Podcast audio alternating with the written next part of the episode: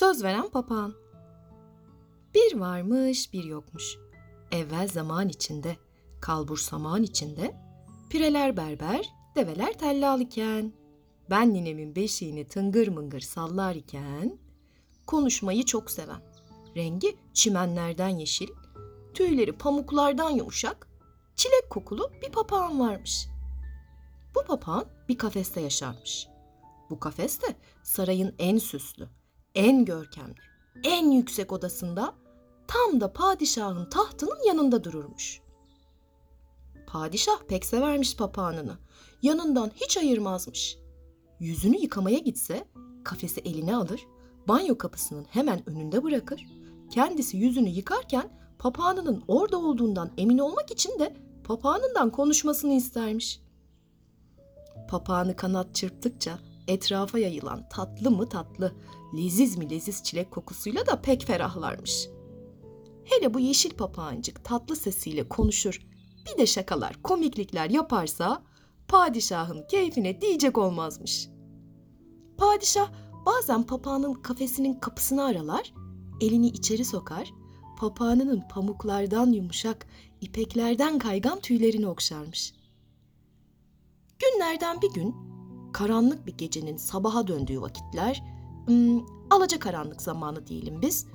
Papağan rüyasından uyanıp gözlerini açmış, kanatlarını çırpmış hızla, sanki biraz da korkmuş. Etrafa yaydığı o tatlı çilek kokusu bile onu sakinleştirememiş o an. Alelacele kafesindeki çıngırağını çıngırdatmış, padişahı uyandırmış. Benim de bir ailem var padişahım. Annem var, babam var, kardeşlerim var. Uzun zamandır sizin yanınızda bu kafeste yaşıyorum. Ailemi görmek için sizden izin istiyorum. Seni serbest bırakırsam bir daha geri dönmezsin. Size söz veriyorum. Altı güne gider, altı güne döner, sekiz gün ailemle hasret giderir. Tam yirmi gün sonra burada olurum. Hayır, olmaz. Gidersen geri dönmezsin biliyorum. Sonra ben çok üzülürüm, izin veremem. Size söz veriyorum. Altı güne gider, altı güne döner, sekiz gün ailemle hasret giderir. Tam yirmi gün sonra yine burada olurum. Madem bu kadar ısrar ettin, hmm, iyi o zaman. Sana 20 değil, 14 gün izin verdim. Size söz veriyorum. Altı güne gider, altı güne döner, iki güncük ailemle hasret giderir. Tam on dört gün sonra yine burada olurum. Yeşil papağancık ailesiyle geçirmek için sadece ve sadece iki günü olduğunu düşününce biraz üzülse de hızla kanat çırp- çırpmış gökyüzüne doğru. Yükselmiş, yükselmiş, sarayın üzerinde uçarak bir daire çizmiş ve ailesine doğru yol almaya başlamış. Padişah papağanının ardından bakarken geri döneceğine de hiç inanmamış. Tam altı gün sonra papağan ailesine kavuşmuş. Aman aman o ne sevinç, o ne sarılmalar, bu ne kucaklaşmalar, onlar nasıl taklalar. Aa bunlar ne lezzetli baklalar. Şarkılar söylemişler, sarılıp uyumuşlar, ağaçlarda daldan dala zıplamışlar ve zaman su gibi akıp geçmiş. O iki gün sanki iki göz kırpması ya da iki nefes arası kadar kısa gelmiş onlara. Dönüş zamanı gelince papağanın gözleri yaşarmış. Kanatları sarkmış, tüyleri karma karışık ve kabarıkmış. Sevinç taklalarının yerini ağrıyan kanatlar ve bir de mide bulantısı almış. Ailesi, arkadaşları, akrabaları, herkes ama herkes gitme demiş papağana. Padişahın gelip onu burada bulamayacağını söylemişler. Ama ben söz verdim. Nasıl dönerim sözümden? Aman seninki de laf. Padişah verdiği tüm sözleri tutuyor mu sanki? O kadar düşünceli, o kadar sözünün eri bir padişah olsaydı sana sadece iki güncük mü izin verirdi? Haklısın ama ben döneceğime söz verdim. Söz verdiysen verdin. İyi de sen kafeste yaşamak için mi papağan oldun? Padişahın seni kafeste tutmaya zaten hakkı yok ki. Haklısın ama ben döneceğime söz verdim. Papağana geri dönmemesi için herkes çok haklı sebepler sunmuş. Papağan da hepsini dikkatle dinlemiş. Hak da vermiş onlara. Ama onun aklı fikri verdiği sözdeymiş.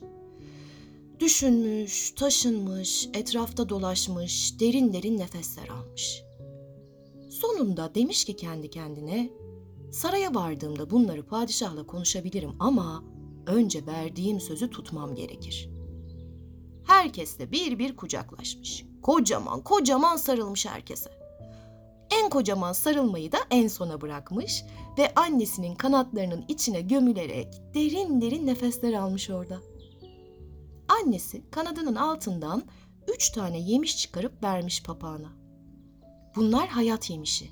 Kim bu yemişlerden bir lokma bile yerse gençleşiverir. Al bunları padişaha götür. Bunları yesin, gençleşsin ve seni serbest bıraksın. Papağan üç hayat yemişini yan yana dizip bir kolye yapmış, boynuna takmış ve açmış kanatlarını yükselmiş gökyüzüne. Evinin üzerinde uçarak bir daire çizmiş ve saraya doğru yol almaya başlamış. Papağanın ailesi, arkadaşları ve akrabaları onun döneceğine inanarak kanat çırpmışlar papağanın ardında. Tam altı gün sonra papağan saraya ulaşmış. Padişah sarayın bahçesinde bekliyormuş papağanını pek inanmasa da belki döner diye. Papağan bahçeye konar konmaz padişaha hemen hayat yemişlerini uzatmış. Padişah da ne yapsın? Hem papağanı döndüğü için hem de hayat yemişlerine sahip olduğu için içinden kırk takla atmış, dışındansa sadece gülümseyerek bakmış. Papağan da haklı sebeplerini, ailesini, arkadaşlarını, akrabalarını anlatınca padişah onu serbest bırakma kararı almış. Ama padişahın en önemli yardımcısı olan vezir izlediği bu görüntülerden, dinlediği bu konuşmalardan hiç hoşnut olmamış. Bu yaşlı padişah ne güzel oyalanıyordu bu saftirik papağanla. Ben de krallar gibi hiç iş yapmadan yaşıyordum. Hmm, onu oyalayacak bir papağan olmazsa...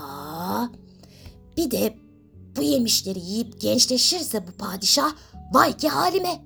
Hmm, ensemden ayrılmaz beni bir dakika boş bırakmaz. Her işime karışır her yaptığıma bulaşır. Olmaz olmaz bu papağan gidemez diyerek hemen bir plan yapmış. Padişahım sakın dokunmayın o yemişlere. Ben bu papağana pek güvenmiyorum.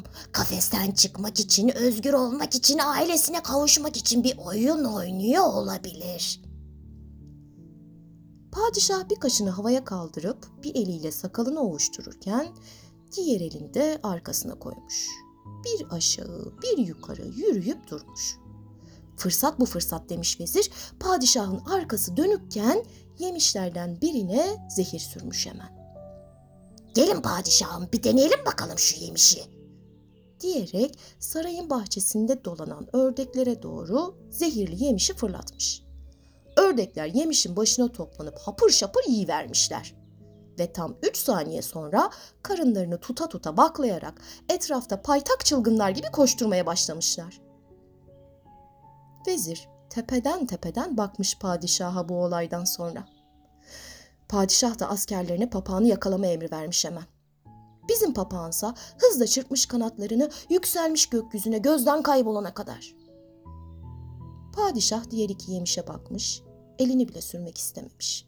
Dönmüş arkasını, sarayın kapısına doğru yürümeye başlamış ağır ağır. Bahçedeki tavus kuşları yemişlerin kokusunu almış olacaklar herhalde. Biraz koşar, biraz zıplar adımlarla doluşmuşlar yemişlerin başına. Başlamışlar ağız dolusu yemeye. Gaga şapırtıları ta padişahın kulağına kadar gitmiş. Padişah arkasına dönünce ne görmüş dersiniz? Kuyruklarındaki tüyleri pırıl pırıl parlayan, göğsündeki tüyleri ışıl ışıl ışıldayan, kafasındaki tüyleri kralların taçlarındaki mücevherler gibi göz kamaştıran tavus kuşları görmüş tabii ki. Padişah tavus kuşlarının bu güzelliklerini görünce hayat yemişlerinin gerçek olduğunu anlamış. Anlamış ama ne çare? Kendisine bir lokma bile kalmamış. Vezirinin oyununa geldiğini de anlamış. Anlamış ama ne çare? O çok sevdiği ve yok yere haksızlık ettiği papağanının bir izi bile kalmamış. O taşın altı senin, bu suyun içi benim, o dağın arkası onun demeden her yeri ama her yeri aramışlar.